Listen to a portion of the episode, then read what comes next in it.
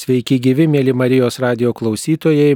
Šioje laidoje norime prisiminti popiežių emeritą Benediktą XVI, kuris kaip tik šiandien yra laidojamas. Tegul viešpat suteikia jam dangaus karalystę, o mums visiems te padeda gyventi taip, kaip jis moko, kaip viešpats moko ir tą viešpaties mokymą popiežius emeritas Benediktas XVI taip pat visą savo gyvenimą nenuilstamas skelbė. Šioje laidoje dalyvauja kunigas teologijos daktaras Gediminas Jankūnas, kuris yra ir Krekenavos, ir Upytės parapijų klebonas. Garbėzu Kristui. Per amžius amen. Taigi, kunigė Gediminai, jūs daug laiko praleidote studijuodamas popiežiaus emerito Benedikto XVI raštus. Kas patraukė jūs šiuose popiežiaus raštuose, kuris veikalas tiesiog jums atrodė toks įdomiausias, svarbiausias, ties kuriuo staptelėjote.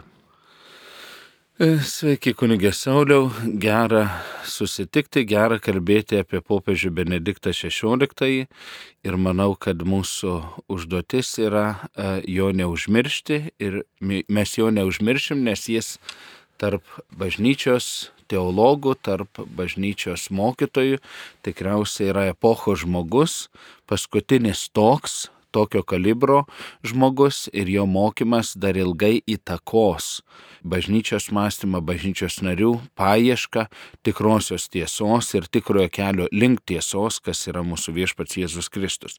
Pažintis su Benediktu XVI įvyko kaip su kardinolu Jozefu Ratzingeriu ir tai įvyko ir tai nebuvo kažkokia tai knyga išskirtinė ar kas nors, tai buvo jo homilija, kurią jis pasakė, laidodamas savo pirmtaką, dabar jau šventai popiežių Joną Paulių II kadangi kardinolas Ratzingeris tuo metu buvo kardinolų kolegijos dekanas, pagal protokolą jam priklausė vadovauti laidotuvių mišioms ir pasakyti homiliją, pamokslą. Po laidotuvių, kada jau eina į konklavą, dar yra tokios viešosios mišios ir e, vadinasi, prieš išrenkant Romos vyskupą arba popiežių ir tose mišiuose jisai sakė homiliją ir toje homilijoje paminėjo relativizmo diktatūrą.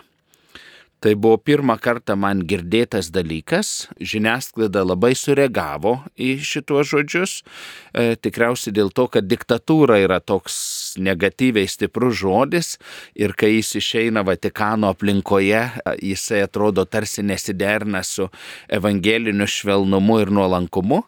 Tai žiniasklaida sureagavo ir aš mačiau antraštėse, kad relativizmo diktatūra, čia tas, čia nas.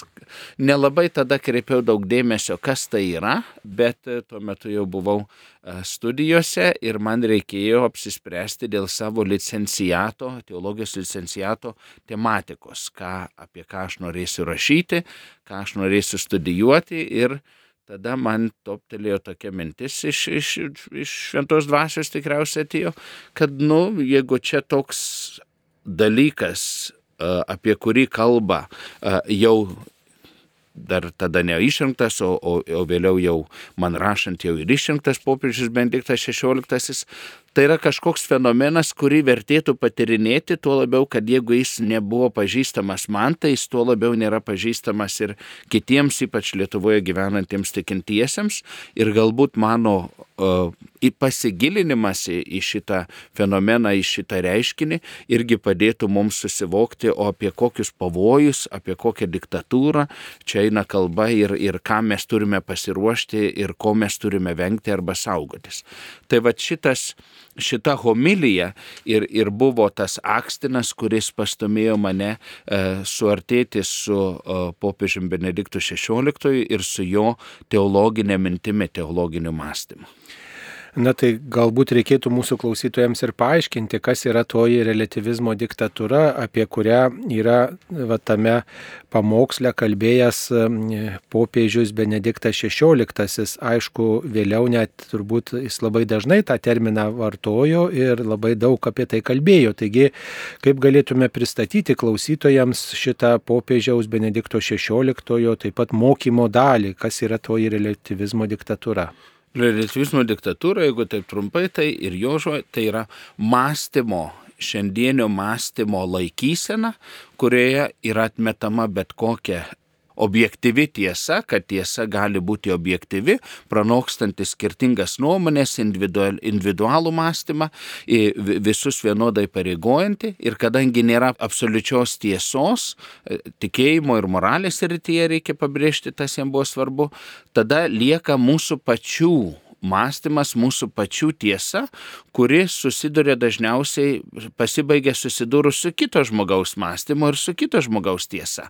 Ir tada mes einame ne visuotinės tiesos kaip autoriteto ir tam tikros mūsų mąstymo e, priežiūros keliu, bet einam individualizmo keliu, kuriame kiekvienas tarsi nusikalame savo gyvenimo tiesą ir jie vadovaudamėsi bandome vertinti savo ir kitų ir aplinkos gyvenimą. Popiežius Benediktas naudoja iš laiško feziečiams leisti būti blaškomiems skirtingų vė, nuomonių vėjų, skirtingų vėjų arba kaip smėlio, ant kurio paskui bandome statyti savo gyvenimo pagrindus, tačiau ant smėlio, ypač krizių atveju, išbandymo atveju, pastatas nestovi.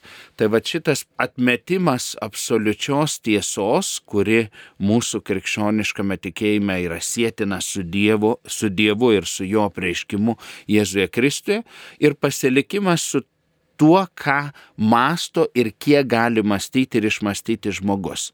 Ir e, popiežius Benediktas sako, kad tai yra pavojingas kelias, nes tokiu keliu mes atmetam ir patį Dievą, ir jo uh, malonę, ir jo veikimą, ir jo pagalbą padėti žmoniai pasiekti uh, ateities gerovės ir, ir, ir iš tiesų amžino gyvenimo tikslų. O kaip popiežius aptiko štai šitą diktatūrą ir tos diktatūros grėsmę, ar jis kuo rėmėsi popiežius teikdamas, kad egzistuoja relativizmo diktatūra moralės ir tikėjimo srityje? Pirmiausia, tai savo, savo gyvenimo patirtimi ir mes žinome, kad jis gimė Bavarijoje 1927 metais ir išgyveno tai, kas uh, Vokietijai yra gėdingas istorinis prisiminimas, tai būtent antras pasaulinis karas ir nacijų uh, nacių ir Hitlerio Vokietijos e, visas tas režimas. Tai jis matė nacizmo iškilimą Tai yra vienas iš totalitarinių režimų ir jis matė, kad tas režimas įgyjo jėgą e, būtent relativizmo pasiekoje, kada susireikšmino žmogus ir kada žmogus nusprendė, kad jis niekam kitam nebeatskaitomingas ir gali spręsti apie kitus žmonės ir apie visą pasaulį, kas yra gera, kas yra bloga. Hitlerio atveju šiuo atveju buvo pasirinkta, kad žydų tauta yra a, ta tauta, kuri atsakinga atsakinga už sumaišti pasaulyje ir norint išgryninti arijų rasę, tam tikrą vėlgi pasirinkimą, apsisprendimą, kas yra tikrasis žmogiškumas pagal Hitlerį, mes turėjome labai skaudžias holokausto pasiekmes. Tai Benediktas tą matė ir paskui, aišku, pažino ir komunizmo vėl kitą idėją, kad, kad rasių kova, kad vadinasi vėl čia tik tai žmogiškomis priemonėmis ir žmogiško mąstymu galima įspręsti žmonių tarpusavio vienybės e, klausimus, e, irgi nelabai sėkmingai e, suvaržant žmonių laisvę. Ir tada vėlgi matė to liberalaus kapitalizmo iškilimą, kada jau ekonomikai arba kapitalui yra suteikiama per daug autoriteto ir jis tada pradeda reguliuoti žmonių santykius arba nustatyti, kas yra svarbu, kas yra nesvarbu, e, ar tai yra ekonomiškai naudinga ar ne. Nu, tikėjimo srityje, kaip galėtume sakyti, tas relativizmas, kuo yra pavojingas moralės srityje. Tikėjimo srityje susidūrėme, jis atpažįsta jau Vatikano antrajame susirinkime, nes dalyvavo kaip ekspertas, lydėjo savo, savo arkivyskupą į, į šitą susirinkimą. Ir ten, kada buvo sprendžiami klausimai apie bažnyčią šio laikinėme pasaulyje, apie prieškimo svarbą, tuometinis teologas irgi išvelgė tam tam tikras grėsmes, kada buvo bandoma eiti į per didelį kompromisą su pasauliu, į kompromisą, kuriame e, prarandame pagrindinius kai nekuriuos savo tikėjimo postulatus, vardan kažkokios tai vieny, įsivaizduojamos vienybės arba noro įtikti ir patikti ir prie visų pritapti. Tai, tai čia Benediktas prisidėjo nemažai tuo, kad kito tekstai, kito formuluotės Vatikano antrojo susirinkimo dokumentų ir mes turime pakankamai drausmingą mokymą, kuris, kurį e, ir būdamas kardinolu, e, ypač tikėjimo kongregacijos prefektu ir vėliau popiežiumi, vis dar kvietė kad reikia įgyvendinti. Neieškoti kažko naujo, bet pasilikti prie to, kas buvo nutarta Vatikano antrajame susirinkime ir tai padaryti tikėjimo kasdienybės ir praktikos dalimi. O kada atsirado štai šita knyga Relativizmo diktatūra, kurią jūs ir į studiją atsinešėte? 2011 metais ją išleido paulistai New York'e, Alba House, o, o jinai yra pagrindu mano disertacijos, kurią aš apsigyniau 2010 metais.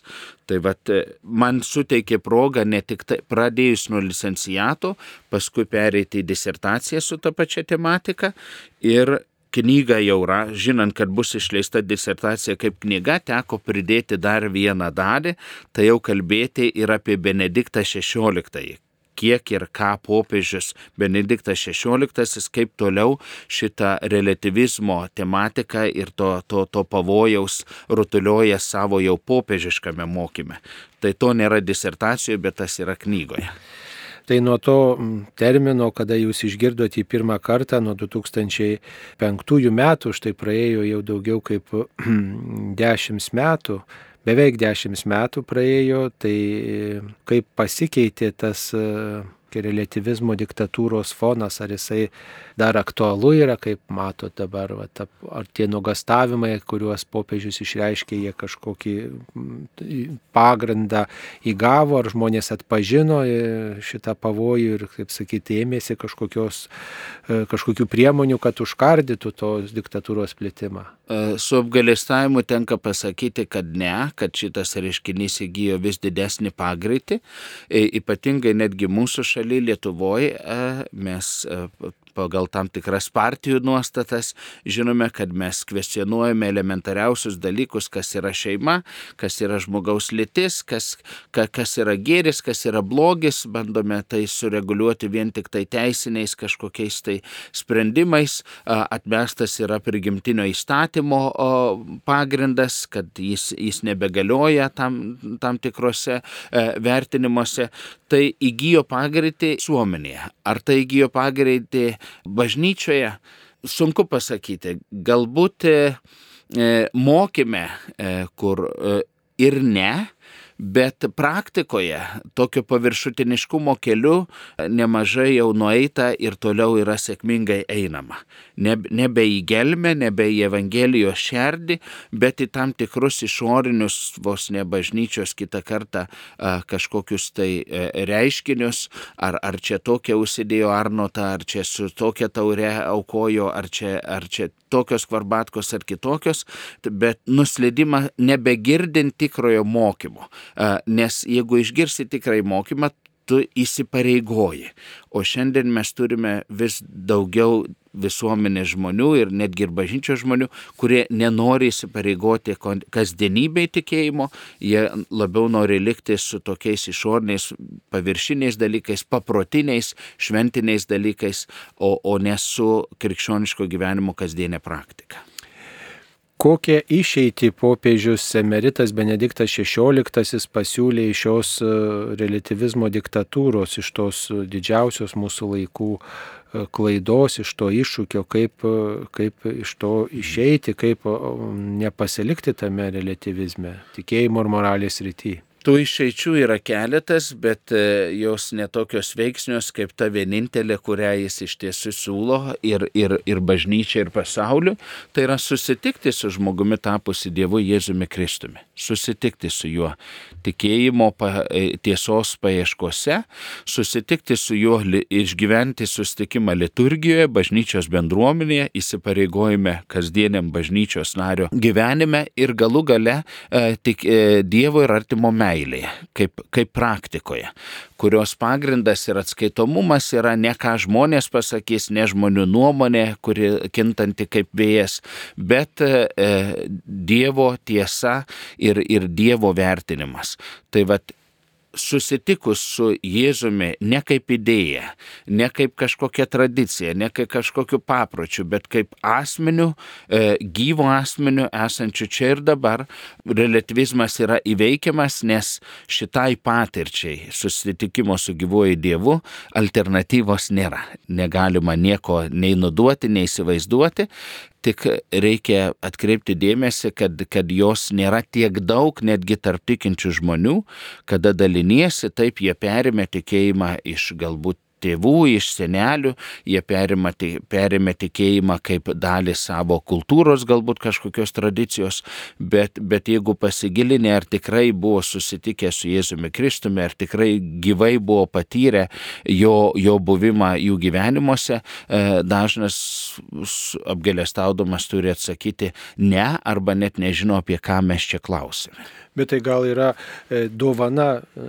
iš Dievo šitas e, susitikimas, tas patyrimas Dievo artumo, to neįmanoma nei surežisuoti, nei kažkaip save nuteikti, kad štai aš dabar patirsiu, aš dabar asmeniškai Kristus susitiksiu. Ja, tikrai taip, bet, bet Dievas nėra tas, kuris kaip lyta nukrenta ant galvos, jis vis tiek kažkaip tai mėgina išprovokuoti kito asmens bendradarbiavimą. Turi būti atvirumas tam tikras darbas, turi būti tam tikra paieška, kuri vėlgi, pripažinkime, dažniausiai ištinka mus mūsų bejėgiškume, kada mes susidurėm su savo pačių bejėgystė, su aplink mūsų supančio pasaulio žmonių e, bejėgystė arba ribomis, tada klausim, ar dar kas nors yra. Ir kada klausim, ar dar kas nors yra, tai tada tas, kuris yra daugiau negu, negu visa kita, gali atsiliepti ir, ir, ir į mus prabilti. Taip, tai, tai yra malonu malonės dalykas, tai nėra suplanuojamas dalykas, bet e, girdėti, domėtis, tą, ką ir Benediktas darė. Jis visą gyvenimą ieškojo tiesos, kuo didesnės tiesos, jis visą gyvenimą ieškojo geriau pažinti Jėzų Kristų, geriau pažinti tą, kurį myli, apie tą, apie kurį studijuoja, tą, kurį skelbia, tą, apie kurį moko, geriau pažinti. Ir Dievas tada leidžiasi geriau pažįstamas tam reikia tokio sąmoningo ir brandaus tikėjimo. Apie tai ir popiežius emeritas Benediktas XVI yra sakęs, kad suaugęs ir brandus tikėjimas giliai šaknyjasi draugystėje su Kristumi ir padeda skirti apgaulę nuo tiesos. Taigi sąmoningas ir brandus tikėjimas reikalingas kiekvienam krikščioniui, kiekvienam katalikui, kunigui, pasauliečiui, eiliniam žmogui ir, ir taip pat tam, kuris eina kokias pareigas kaip mes galėtume savo tikėjimą brandinti ir padaryti jo, jį tokį suaugusiu, turbūt ir e, to troško ir Benediktas XVI, kad visi skaitantis jo veikalus tokį tikėjimą turėtų ir, ir tokį tikėjimą augdytų. Kas gali mums padėti? Mes šitam kalėdiniam laikotarpyje girdime Evangeliją ir girdime, kad mergelė Marija visus tuos dalykus laikė ir svarstė savo širdyje. Tai ko pritrūksta kitą kartą, tai to laiko svarstyti dalykus savo širdyje, atsinešti juos į maldą ir skirti laiko, sutelkti dėmesį į pamatinius mūsų gyvenimo, mūsų egzistencijos klausimus ir į Dievo atsaką. Tai tam tam reikia pastangų, tam reikia kažkaip tai save sudrausminti, atskirti nuo įvairių informacinių dirgiklių ir kad būtų galima susitelkti e, į, į maldą, susitelkti į, į refleksiją, į mąstymą ir, ir tame vidinėme pokalbėje e, išgirsti ne tik savo balsą, bet ir Dievo balsą, nes jis prabyla maldoje, bet, bet tam balsui išgirsti reikia tam tikros tylos, reikia tam tikro nutilimo. Ir, ir čia jau yra iššūkis šiandienėme pasaulyje, kuris turi tiek daug vaizdų, garsų, e, pipsi ir mūsų laikrodžiai, pipsi mūsų telefonai, e, dar kažkas kažkur tai pipsi ar, ar, arba kažkokios žinios eina ir, ir reikia nemažų valios pastangų, kad save galėtum nuo šito atskirti ir va šitam brandinimui, e, kuris vyksta su Dievu ir Dieve, e, auginti ir brandinti savo tikėjimą. Popiežius emeritas Benediktas XVI yra parašęs tris enciklikas. Gal kurie iš tų trijų enciklikų jums tiesiog paliko tokį didžiausią įspūdį arba jūs kažkaip labiau palėtė? Caritas in veritate. Mes žinome, kad e, popiežiaus e, Benedikto vyskupiškame ir vėliau popiežiškame herbe buvo pasirinkti žodžiai kooperatorės e, Kristi iš laiško tesalonikiečiams, jeigu neklystu, tiesos bendradarbiai. Jisai nori būti tiesos bendradarbis. Tačiau mes žinome, kad gyvenimas neleido jam būti tik tiesos tyrinėtojų. Jisai buvo pašauktas būti ir ganytojų. Buvo profesorius, paskui Müncheno ir Friburgo arkivyskupas, vėliau kardinolas, tada tikėjimo kongregacijos, o tada popiežius ganytojų ganytojas viso, visos bažnyčios. Ir e, ganimui ir ganytojavimui neužtenka tik tiesos, reikia dar, dar ir meilės. Tai labai gražiai sujungė tuos dalykus ir jis pasakė, net jeigu žinosime, kas yra teisingas dalykas, kas yra tikras dalykas, kas yra tiesa, bet ne, nemokėsime to išgyventi ir paliūdyti su meile, ta tiesa bus atmestina, ji bus šalta, ji bus neprimtina. Yra vienas dalykas mūsų idėjų ir minčių pasaulis ir kitas dalykas yra mūsų širdis ir mūsų emocija. Ir čia jisai seka savo vieną iš didžiųjų įtakotojų istorinių, tai Blais Paskalė filosofą, kuris sakė, kad širdis turi savo priežastis, kurių protas nesupranta ir, ir kad reikia th- dėmesį skirti ir vienam, ir kitam. Reikia ir teisingo mąstymo, bet reikia ir teisingos jausenos, ir teisingo atliepimo, ir sąlyčio su aplinka, o su aplinka, kuri pirmiausia yra santykėje su kitais žmonėmis.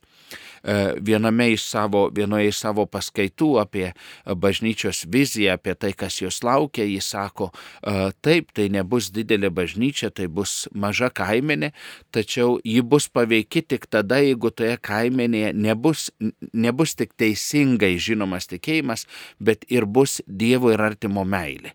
Nes prieš meilę niekas neturi argumentų. Ir vis dėlto meilė žmonėse išlieka pačiu svarbiausiu poreikiu ir pačiu svarbiausiu uh, uh, noru kad, ir potyriu, kad ji būtų.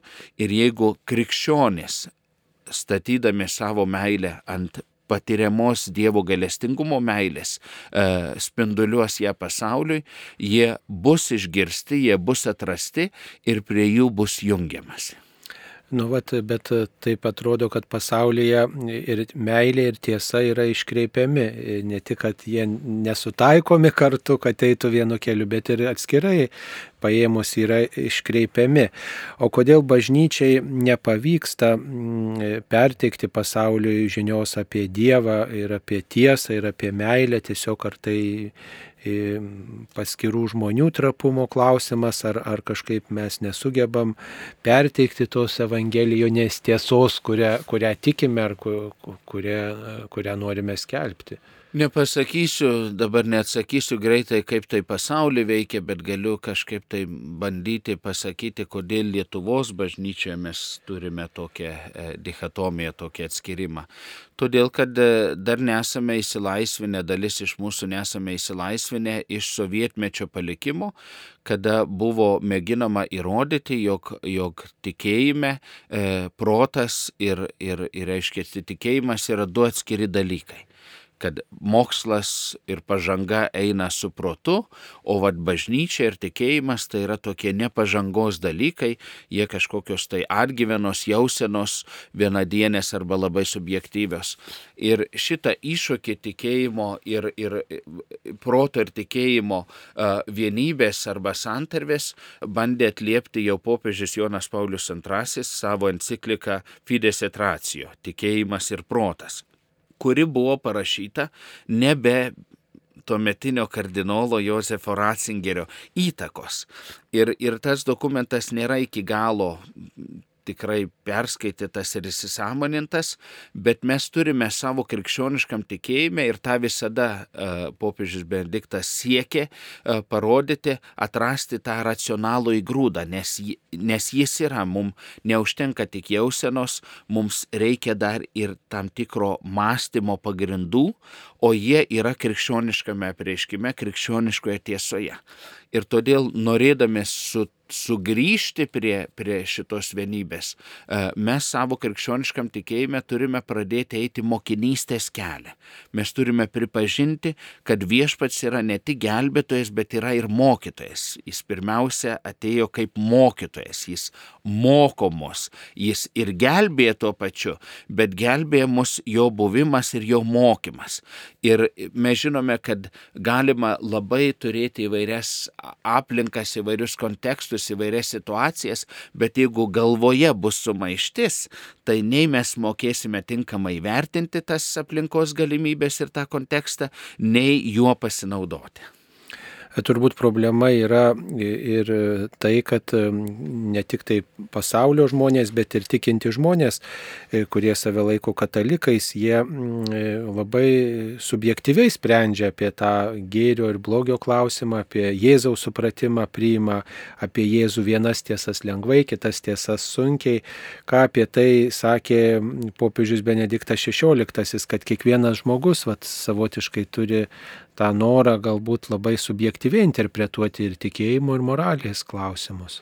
Popiežius Benediktas tą ne tik sakė, bet ir liudijo apie nuolankumą apie e, gebėjimą savo pripažinti, kad aš ne viską žinau, aš ne viską suprantu ir visada yra didesnis protas už mane, tai yra viešpatės visako sukūrusio protas, e, tikrasis tiesos šaltinis, kuriam aš turiu atsiverti ir prie kurio turiu nuolat e, gaivinti savo tą troškulį, atsigerti ir, ir iš ten semtis tos stiprybės. Tai šiandienis žmogus yra labai nenolankus žmogus. Šiandien, šiandienis žmogus labai yra susireikšminęs nuomonės. Ir va čia yra relativizmo viena iš pasiekų, kada tu atmeti Dievą kaip autoritetą, kas lieka autoritetu.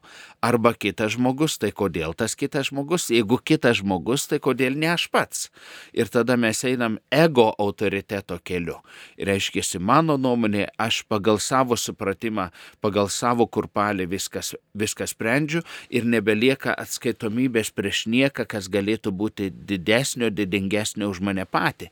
E, ir kadangi aš esu galutinis autoritetas, bet e, visi puikiai suprantame, kad aš esu yra ribotas autoritetas, tai to, ko aš negaliu įimti į savo aš, tai neegzistuoja arba yra nesvarbu ir, ir vyksta labai svarbių dalykų nureikšminimo laikas ir ne pačių svarbiausių dalykų sureikšminimo laikas. Ir tada mes turime tokią sumaištį, kuri, kuri mus veda į kampą ir aš nelabai žinau, kaip mes iš to kampo išlysime. Bet, nu, tikėjimas pirmiausia yra, turi kitą žodį sinonimą klusnumas. Ir klusnumas kažkam kažkam, kas yra didesnis, didingesnis už mane, ir klusnumas, ir atvirumas, nes aš to kito, kuris yra didesnis, didingesnis, nepriimsiu, e, jeigu aš jo nepažinsiu. Aš jo bijosiu, aš jo vengsiu, e, aš nenorėsiu susitikti, bet jeigu tas kitas didingesnis už mane yra vis geriau man pažįstamas, tai atsitiks tai, kas turi atsitikti šitame pažinime. Aš tikriausiai tą, kurį pažįstu, kuris yra didesnis už mane, bet man palankus ir man gerą norintis, aš jį įsimylėsiu. Ir mes girdime, kad Benedikto XVI paskutiniai sąmoningi žodžiai buvo viešpatė aš tave myliu, viešpatė aš tave myliu. Tas ėjimas link tiesos, bet atpažinimas, kad tiesa uh, išgyvenama tada Dievo ir artimo, Dievo uh, ir, ir žmogaus tarpusavio meilėje. Dar vienas dalykas, kuris šiek tiek nustebina, E, Benedikto XVI raštuose, tai yra tai, kad jis pabrėžė, jog nevalia klai pasikliauti demokratinę sistemą ir kad e, demokratinė sistema turi savų pavojų. Turbūt palydint Benediktą XVI irgi dera įsiklausyti į, į, šitu, į šitus jo žodžius, į šitas jo mintis, ypač kalbant apie tą relativizmą, kurį vat, gali e, demokratija pasėti. Tai gal apie tai dar keletą žodžių pasakyti. Taip, jis yra pasakęs, kad demokratija nėra pati geriausia valdymo forma, bet geriausia, kokią mes šiuo metu žinome, ji negali būti absoliutinta todėl, kad demokratijoje tarsi e, eina kalba apie daugumos nuomonę. Bet popiežius Benediktas sako, jeigu, jeigu dauguma, jeigu žmonės nederina savo, savo mąstymo su apreikštaja tiesa, tai ir dauguma gali klysti. ir jeigu dauguma nutars, kad nuo šiol juoda yra balta, o balta yra juoda, ar, ar tikrai taip ir atsitiks. E, kitas dalykas, ką jis labai gražiai pastebi, kad demokratinėse šalise demokratinis principas, kad dauguma a, sprendžia, e, vis tiek yra iš, išgyvenama a, mažumos principu. A, ta dauguma iš tiesų yra deleguota mažuma. Tai šiuo atveju Lietuvoje yra 141 a, Seimo narys, kuris sprendžia dviejų 2,7 milijono žmonių bendruomenės likimą. Ir turime suvokti, kad tai yra deleguota demokratija, kad mes patikime savo balsą kažkam kitam, kas paskui mums atstovaudamas tai sprendžia. Ir labai gražiai e, Benediktas pastebi, kad e, Hitleris į valdžią atėjo demokratijos keliu. Buvo išrinktas į, į Bavarijos parlamentą, paskui į Reichtagą, paskui Reichtagė išrinktas aukščiausių vadų ir tada prasidėjo jo autoritarinis režimas. Taip, kad demokratijos negalima suabsoliutinti, ypatingai tokios demokratijos, kurioje nebelieka nei prigimtinio įstatymo, nei atskaitomybės tiesai, kuri yra priekštoji tiesa, kuri mus pasiekia tikėjimo ir moralės srityje ir jinai negali būti diskutuotina. E, galima apie ją šnekėtis, galima į ją gilintis, galima jos mokytis, bet jos postulatai yra mums apreikšti ir duoti Evangelijoje ir jie nekintami. Mes turime kiekvieną kartą juos tarsi naujai atrasti e, savo laikmetyje ir pritaikyti savo mąstymę ir savo sprendimuose popiežiaus emerito Benedikto XVI šūkis e, buvo tiesos bendradarbiai. E, jam tas tiesos ieškojimas buvo svarbus visą gyvenimą. Galbūt dar yra kokių tokių minčių, kurios galėtų apibendrinti jo visą paliktą mokymą, jo pamokslus, jo knygas, jo raštus, kuris tas e, žodis ar, ar mintis jums įstrigo. Yra toks žodis ir tas žodis yra Jėzus ir popiežiui Benediktui e, aišku buvo, kad ieškodamas tiesos arba bendradarbiaudamas su tiesa, jis bendrauja ne su idėja, ne su ideologija, jis bendrauja su asmeniu. Ir a, e, su asmeniu santykiai mes žinome, kaip su kiekvienu asmeniu, laikė ir erdvėjai jie įneša vis vis kitokį naujumą, vis geresnį kažkokį tai pažinimą. E, jis gali nusi, įnešti ir tam tikrą e, klaidą, ir nusivylimą, ir nesusipratimą, bet galų gale yra atgailos, atsiprašymo, susitaikymo kelias, kas ir yra ir bažnytinio kasdienio gyvenimo kelias, kad mes ne tik prašome, ne tik garbiname, ne tik dėkojame, mes, mes ir atsiprašome ir užtarėme. Ir tai visa tai yra iš asmeninio gyvenimo ir santykio su su Jėzumi. Ir kad Jėzus yra jam svarbus, mes žinome, kad iš visų veikalų pats svarbiausias, ką jeigu jo paklaustume, yra, kas yra, ką svarbiausia jūs laikote, jis atsakytų šitą trilogiją Jėzus Kristus. Tai, ką jis visą gyvenimą troško parašyti.